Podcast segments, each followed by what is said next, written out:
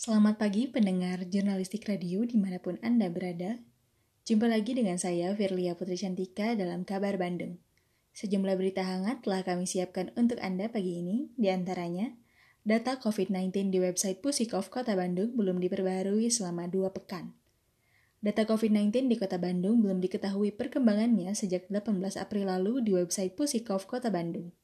Data kasus COVID terakhir mencatat terdapat 16.600 kasus terkonfirmasi positif, 670 kasus aktif belum sembuh, dan 280 kasus meninggal.